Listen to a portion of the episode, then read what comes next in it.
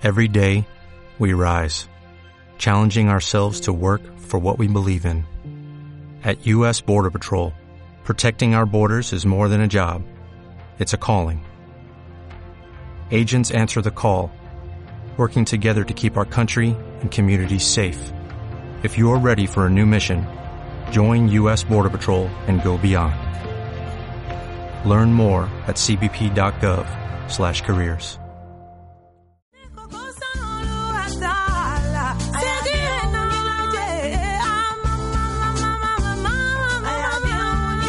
Fatoumata Diawara, unha cantante, actriz, bailarina de Costa de Marfil, unha artista polifacética que acaba de estrear Fatú o seu último disco compón e arranxa os seus propios temas, unha fusión do folk guasulú de Malí con blues, funk, jazz, soul, creando unha combinación deliciosa que nos serve tamén para abrir a banda sonora deste xoves 10 de agosto, día de San Lourenzo. Saúdos de Chu Silva no Control de Son, Lucía Calvo na produción e Susana Rois no micrófono. De seguida, imoslle poñer música ao verán astronómico.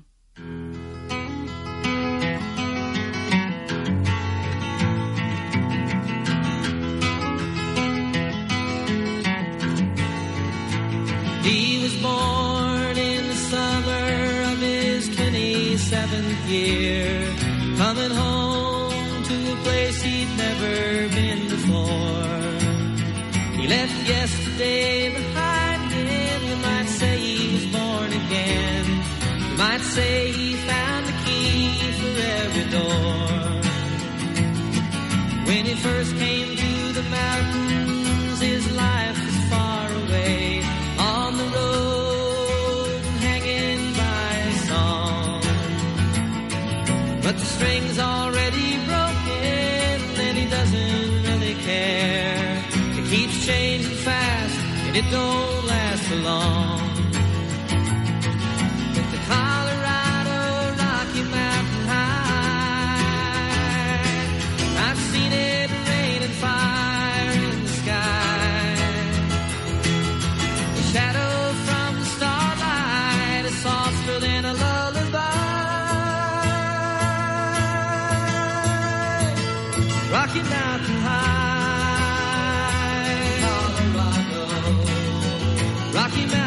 Tradicionalmente o mes de agosto é un frenesí de eventos astronómicos, un dos meses que máis miramos pro ceo aínda que non sexa o que máis actividade agocha. O bo tempo, as vacacións e as perseidas que levan todo o mérito dos acontecementos astronómicos conseguiron facer destes días uns dos máis cobizados polos observadores, profesionais ou afeccionados. Así que hoxe convidamos un home que non deixa de mirar o alto, que non perde de viseo, nin deixa tampouco de convidarnos a que lle devolvamos as noites escuras ao planeta Terra. Martín Pauli, benvido, moi bons días. Moi bons días. Martín é membro da agrupación astronómica coruñesa IO que nos mantén o tanto do que pasa no ceo e do que vai pasar non son os meses de verán, senón ao longo de todo o ano. Como é o ceo de verán, Martín? Como está sendo o ceo deste verán? Pois o ceo de verán adoita ser, para empezar, escaso, porque é certo que no meteorolóxico o verán nos acompaña con noites pois, moi agradables, con menos, con menos frío do que podemos vivir no inverno, e con ceos máis despexados, mas tamén é certo que as noites son moito máis breves, non? Aí alrededor do solsticio de verán, noites de, bueno, as horas de escuridade absoluta, pois son un pouco máis de 4, non? Mm. Alrededor do solsticio, fronte ás pero longas noites de inverno, nos que un ten ocasión de ver moitas máis eh, máis ositos e moitas máis cousas, non?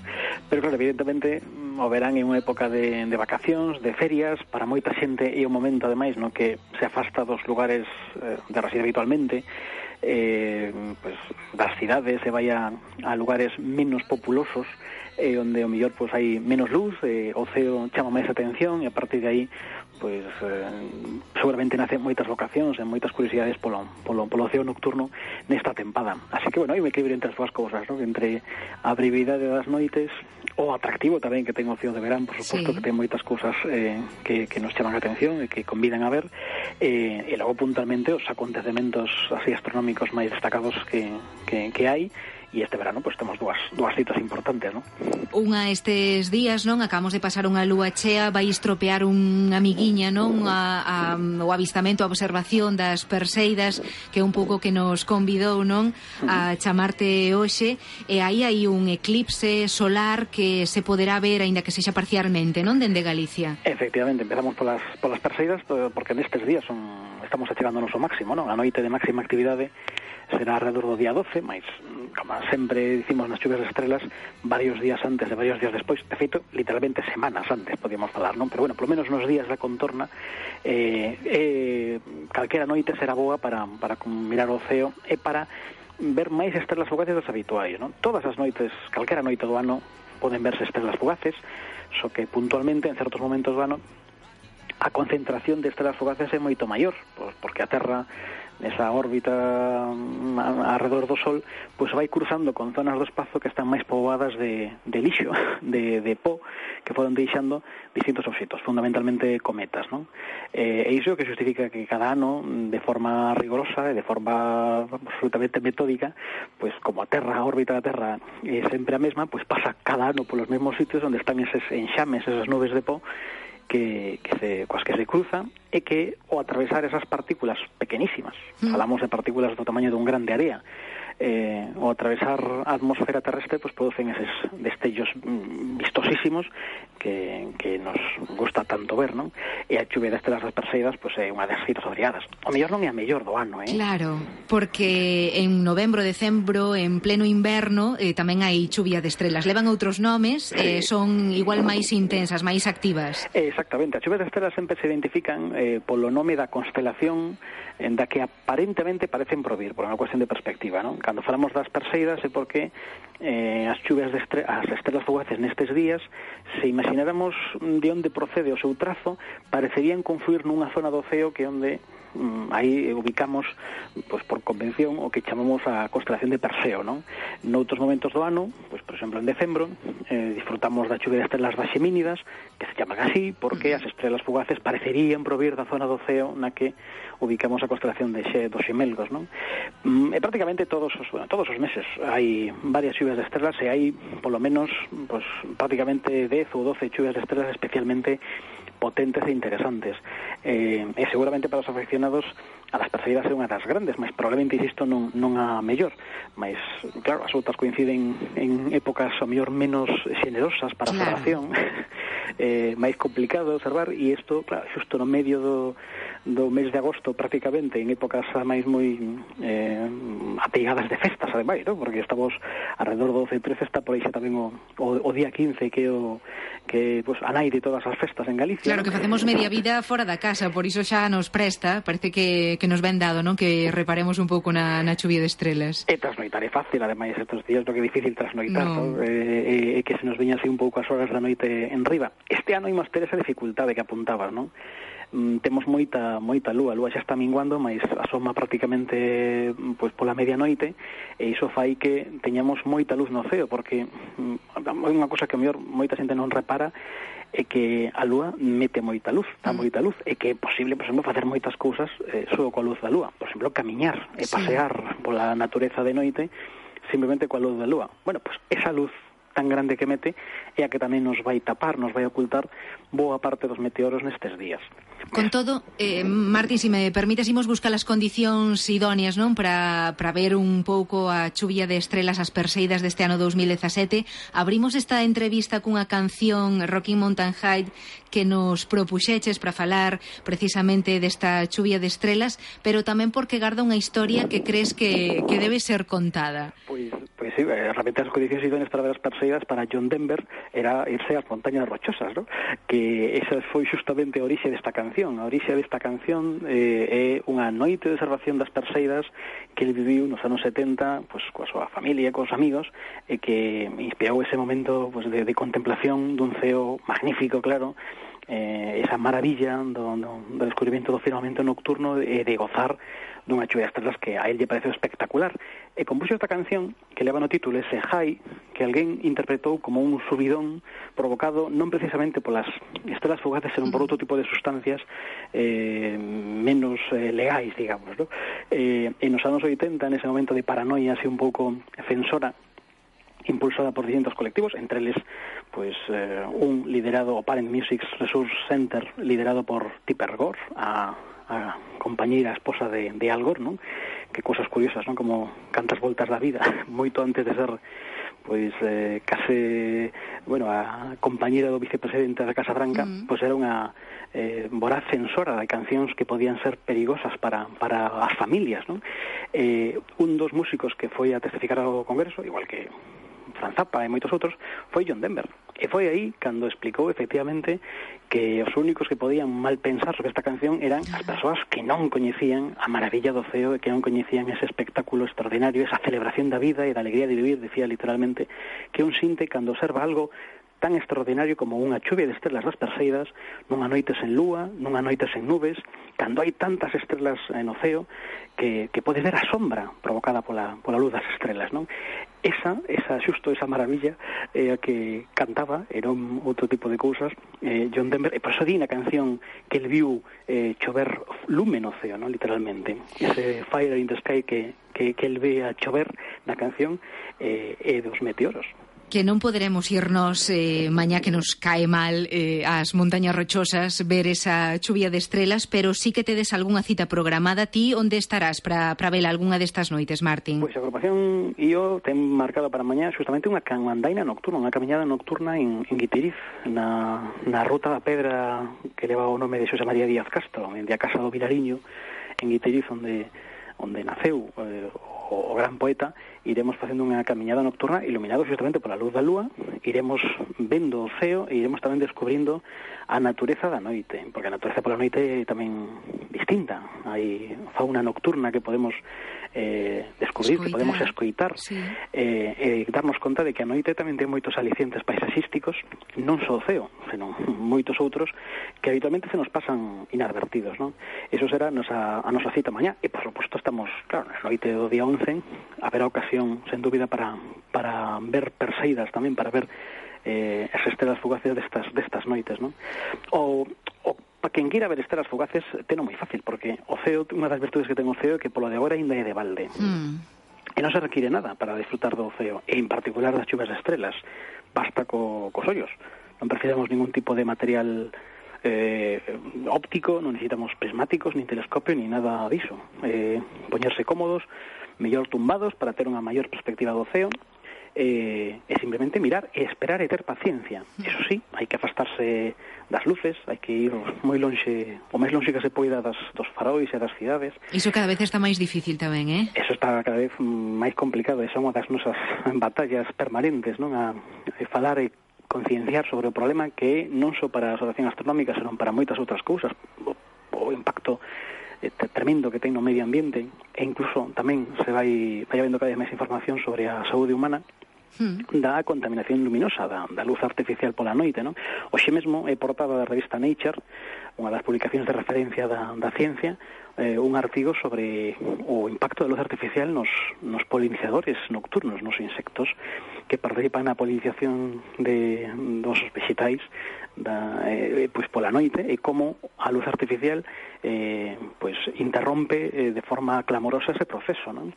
Eh, cada vez temos máis información ao respecto que nos debería facer saltar as alarmas e empezar a pensar cal é a nosa relación ca, coa noite eh, e por que a transformamos de forma tan radical e tan estúpida, vamos a decirlo así, en, en, en moi poucas décadas, non? Imos buscar outra música para seguir falando do ceo, do, te, do ceo nocturno, eh, de canto, podemos chegar a escurecer a noite, non? Si realmente nos propoñemos non malgastar a enerxía e si tomar outras medidas máis intelixentes para para que a iluminación sexa óptima, e imos de poñer eh, música de Caetano Veloso.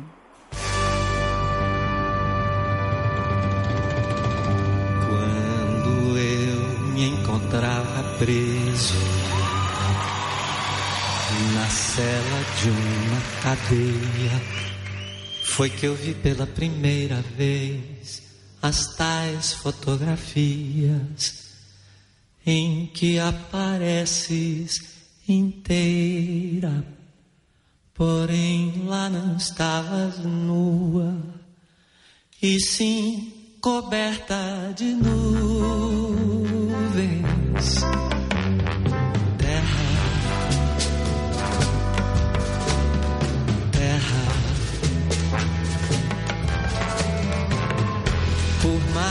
Distante, o errante navegante, quem jamais te esqueceria. Escollemos unha versión en directo deste Terra de Caetano Veloso, pero non foi naquel concerto que viviches ti no sur do país, Martín. É eh, dicir, para que, para que non se diga que esos da Coruña non baixamos o sur e que os dos non sube o norte, un dos meus, unha das cousas típicas tamén do verán era concertos, non? Sí. Eh, e un deses concertos que eu asocio ao verán foi a primeira vez que eu vin en directo vivo a, a Caetano Veloso no Parque de Castrelos, non? En, en, en Vigo.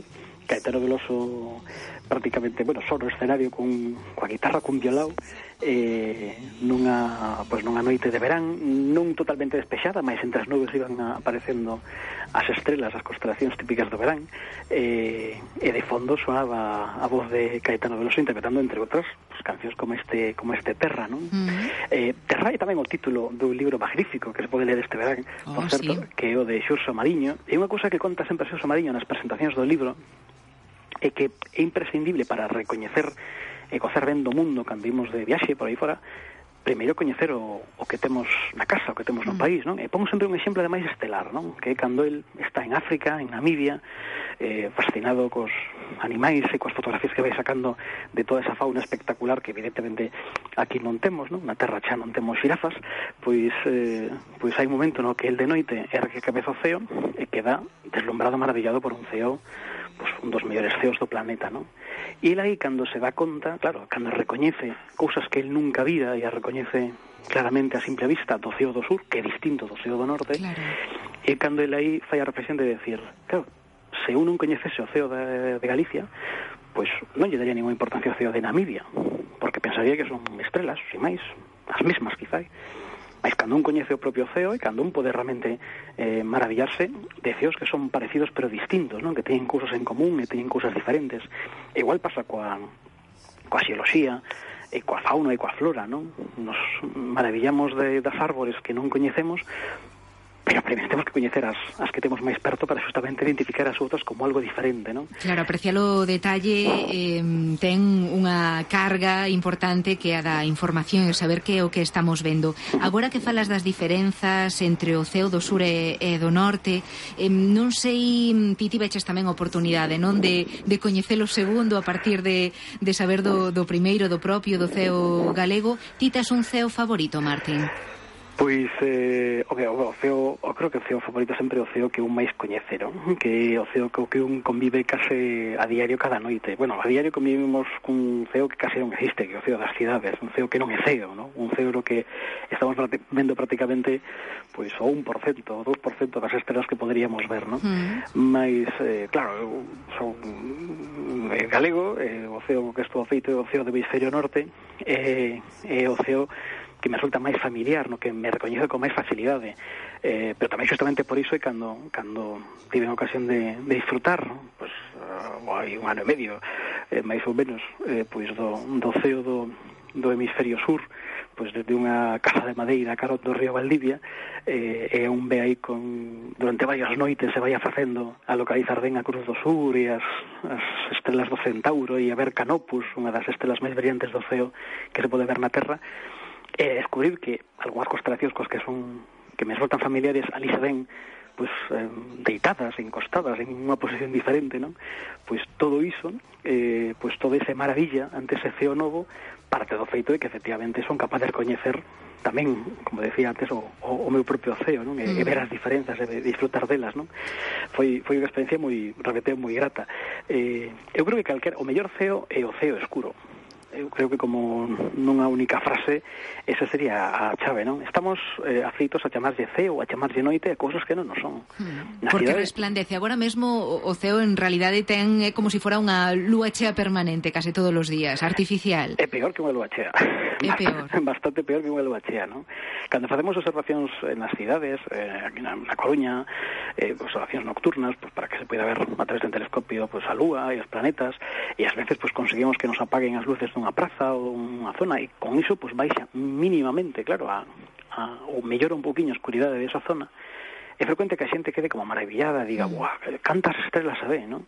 E cantas estrelas unha cidade son 60, 70, 80, 90, 100 estrelas, no mellor dos casos. Bueno, é que nun ceo verdadeiramente oscuro deberíamos poder ver 3.000, 4.000, case 5.000 estrelas. Ese o a verdadeiro ceo, ese un ceo de 4.000, 5.000 estrelas, que era o ceo que tiñan pues, mm, os nosos avós. Mm. Estamos perdendo moitos obxectos destes eh, fascinantes que agocha o universo por culpa da contaminación lumínica. Estamos perdendo esa, ese cebo e esa noite de verdade, estamos perdendo a sensación de como era a noite, ¿no? Ahora chamamos a noite a cando paran os coches de, e, os auto, e os autobuses de circular polas, polas rúas, mm. mas a noite verdadeiramente é outra cousa. E iso leva implícito moitas, moitas cousas na nosa conformación como cultura e como sociedade, ¿no? A fin de contas, eh, durante toda a historia, o ceo foi a nosa, a nosa guía, non? Para movernos polo tempo e polo espazo, non? Grazas ao ceo construímos calendarios e recoñecemos os ritmos da natureza, e tamén grazas ao CEO podemos desplazarnos polo mundo recoñecer coñecer cara onde íamos, non? E, e todo iso pois estámoslo perdendo, estamos perdendo unha gran unha, unha vastísima colección de tradicións culturais e de, e de mitos e de contos asociados ao CEO, estamos perdendo algo, mm, insisto, que foi intrínsecamente noso ata hai unhas poucas décadas, ata hai moi poucas xeracións. Eh, pensemos que como era como era o CEO de calquera vila galega, pois hai 50, 60 anos nos que a luz eléctrica prácticamente mm, ainda non, non, non estaba non instalado, non, non existía. Exactamente. Non pretendemos voltar os tempos nos que non había luz eléctrica e non queremos iso, ni moito menos non, non pretendemos volver á idade media nin, nin renunciamos ao, ao gran beneficio que supuxo a luz artificial na, nas vidas de todos non? Eh, o que pretendemos é eh, que manexemos a luz artificial con, con lógica, con sentidiño, con cabeza, non? Porque hai opcións para iluminarnos, eh, ter servizos, non? Neste sentido, eh, facendo as cousas ben, sen que a luz mire cara ao ceo. E sen que a luz mire cara ao ceo, sen que a luz se emita en cantidades excesivas, sen que a luz se emita coas características inapropiadas, porque hoxe en día sabemos tamén cales son as características boas da luz para a noite e para o día, sen derrochar diñeiro estúpidamente. Falamos de cantidades eh, indecentes de diñeiro. É dicir, hai estimacións que falan de que o que se derrocha en España cada ano en luz artificial innecesaria son cifras do tipo 500, 600 millóns de euros por ano, que son pues, con eso se paga unha misión da NASA. Mm. eh, decir, son, son cifras realmente mareantes, pero que además tamén sabemos agora que, que ese impacto de luz artificial, insisto, afecta a toda a natureza afecta as aves, afecta as árbores, afecta os insectos, afecta a, a moitos eh, eh, afecta a todos os seres cos que compartimos planeta e as consecuencias dese, dese impacto estamos empezando a recoñecelas ben agora, pero, mm, desde logo, convidan a reflexión eh, e incluso a mostrar unha certa inquietude para preguntarnos o mellor temos que tomar medidas urxentes ante isto e empezar, de verdade, a reflexionar de, eh, pues, a, a pensar realmente que de que a noite e que debe ser a noite. Mm. Non só a, a como debemos usala e abusala, senón pues, descubrir que a noite é a escuridade e que o día é luz eh, que nos falta escuridade na noite que lle podemos devolver parte desa escuridade ao, ao planeta Terra. Imos lle poñer banda sonora a ese ceo que descubriu hai un ano Martín Pauli eh, no sur, no hemisferio sur, e a voz de Violeta Parra eh, que canta mm, unha canción a caída para este espazo que abrimos no verán da Radio Galega.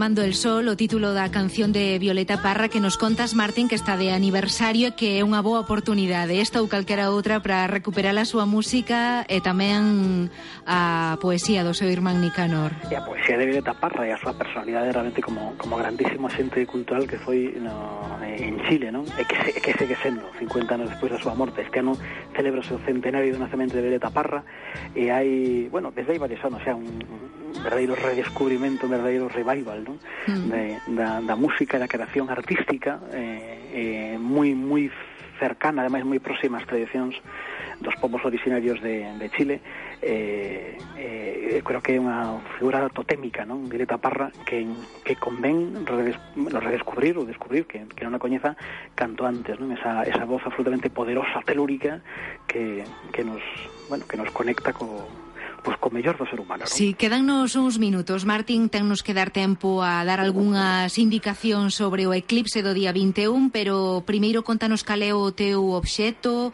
ou o teu movimento preferido, non sei, o obxeto máis fascinante para ti do universo sido más fascinante do universo. Que, que pregunta complicada esa Non sei, que che gusta, en que che gusta perder o tempo mm, eh, buscando constelacións, eh, a, as, os movimentos dos planetas, non sei, hai cousas que a mí se me escaparán, pero que ti, bo coñecedor do ceo, seguro que és capaz de, de mm, pues mira, vou, darnos algunha pista pues, máis. Vou, vou dar un comentario moi xeral, porque realmente eu son moi de, de ver o ceo a simple vista. Eu non teño telescopio, por exemplo. No. Eh, tamén está moi ben mirar o ceo con prismáticos. Eh, que a xente que teña prismáticos nas súas casas, os máis básicos, serven moito para ver o ceo, Pero a miña principal fascinación é, é, é ver o ceo cos ollos, e ver como ao longo da noite vai pasando o tempo e van poñéndose unhas constelacións, se van saindo outras, eh, pues, van saindo algunhas polo leste, van poñendo outras polo oeste, van cambiando as cousas de sitio ao longo do ano. Esa é a miña principal fascinación, e ir recoñecendo esa, esa, ese gusto ¿no? de, de, de ese puzzle complicado que parece do ceo cando mira por primeira vez así ve tantas estrelas e non sabemos ben que facer con elas irse facendo pouco a pouco con, con algunhas delas empezar a mirar polo, polo máis fácil e polo máis básico polo carro da osa maior e a partir de aí pois unha vez que, me, que se familiariza un co carro, pois descubrir, mm. pues, de aí chego a Polar, e de ali chego a Casiopea, e collendo cabezallo do carro chego a Arturos, na constelación do Boieiro, que brilla moitísimo, e un pouco máis ali abaixo está Virgo, e nestes meses agora se está vendo Xúpiter nesa zona, ir mm, completando ese puzzle tan complicado que é o CEO, ese puzzle de 88 constelacións, eh, pois pouco a pouco irse facendo coas, coas que nos toca ver, neste caso no hemisferio norte, eh, sen, sen moitos agobios. Non? Mm. Logo o CEO, se unha cosa tamén interesante da, da contemplación do CEO do firmamento nocturno é que require paciencia. O sea, hoxe en día sei que isto é como é complicado. Que queremos xente... todo para onte, non? Pede a xente que ten que facer as cousas devagar e que ten que esperar, que ten que esperar incluso físicamente, porque a nosa vista require moitos minutos para a acción nocturno, ah. non é chegar a encher. A xente ás veces que di, bueno, me puxen a ver as perseidas, claro, me asomí o balcón, mirei tres minutos e non vi ningunha. No. É que non funciona así.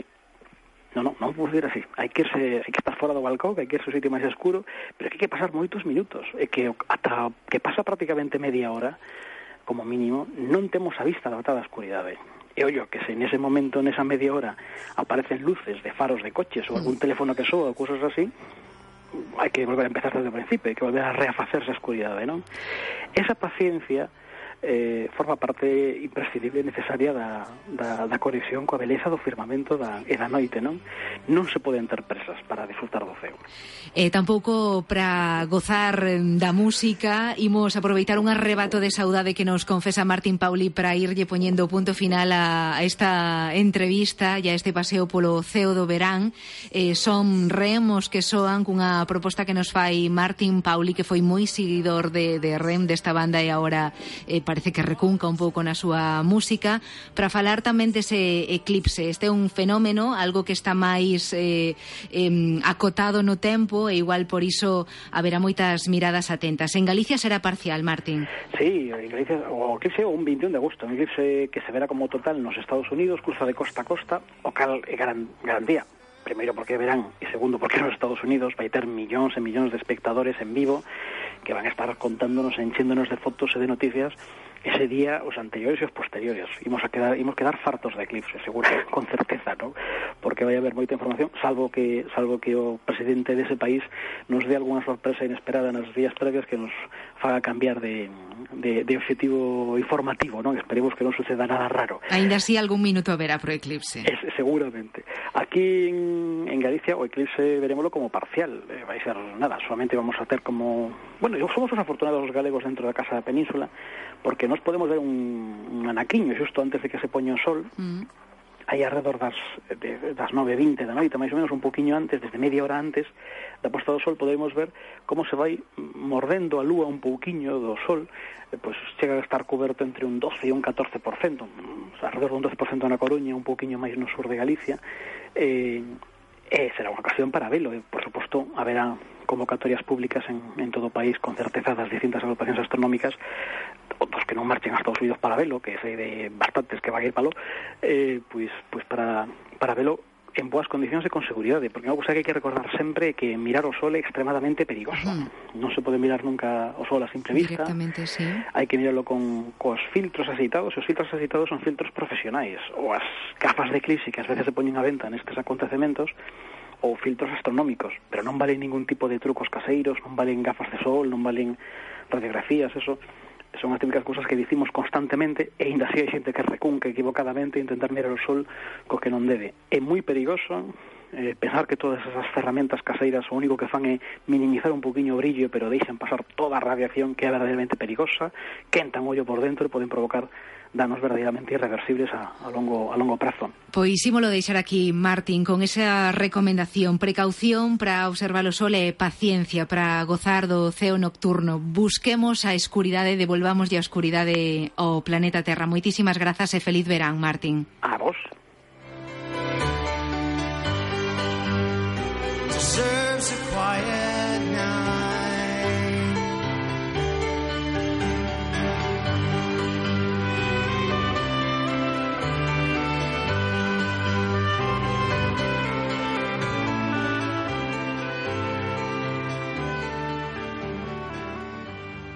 Arde o sol.